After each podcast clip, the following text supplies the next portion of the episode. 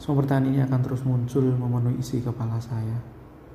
Bukan tentang siapa yang salah, tentang bagaimana selanjutnya. Apa semua ini nyata? Apa ini tidak bisa diperbaiki lagi? Bagaimana kamu akan berjalan sendirian? Bagaimana seorang anak akan tumbuh jauh dari ayahnya? Bagaimana kita menjelaskannya pada seorang anak tentang semua masalah ini? Bagaimana saya harus bersikap? Apakah saya bisa berjalan sendiri lagi?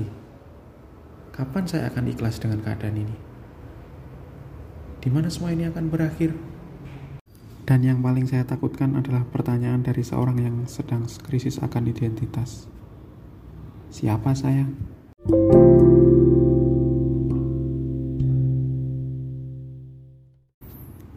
Beberapa pertanyaan itu mungkin sudah terjawab.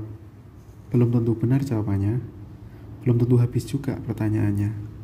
Muncul lagi dan lagi. Beberapa kegiatan akan perlahan menguranginya.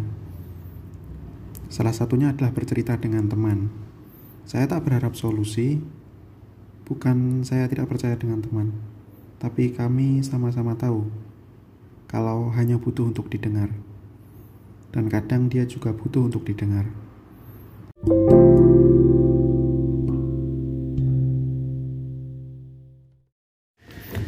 Sekedar mendengar pandangan dari perspektif orang lain mungkin akan membuka pikiran saya.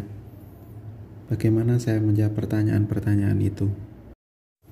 Semoga dapat ganti yang lebih baik ya. Ah, itu masih jauh dari prioritas saya.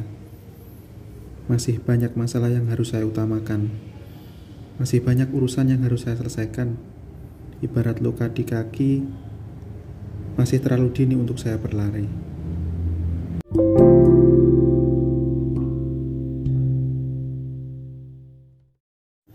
saja, ah, sudahlah. Terima kasih. Saya Arif dari kata kita gitu.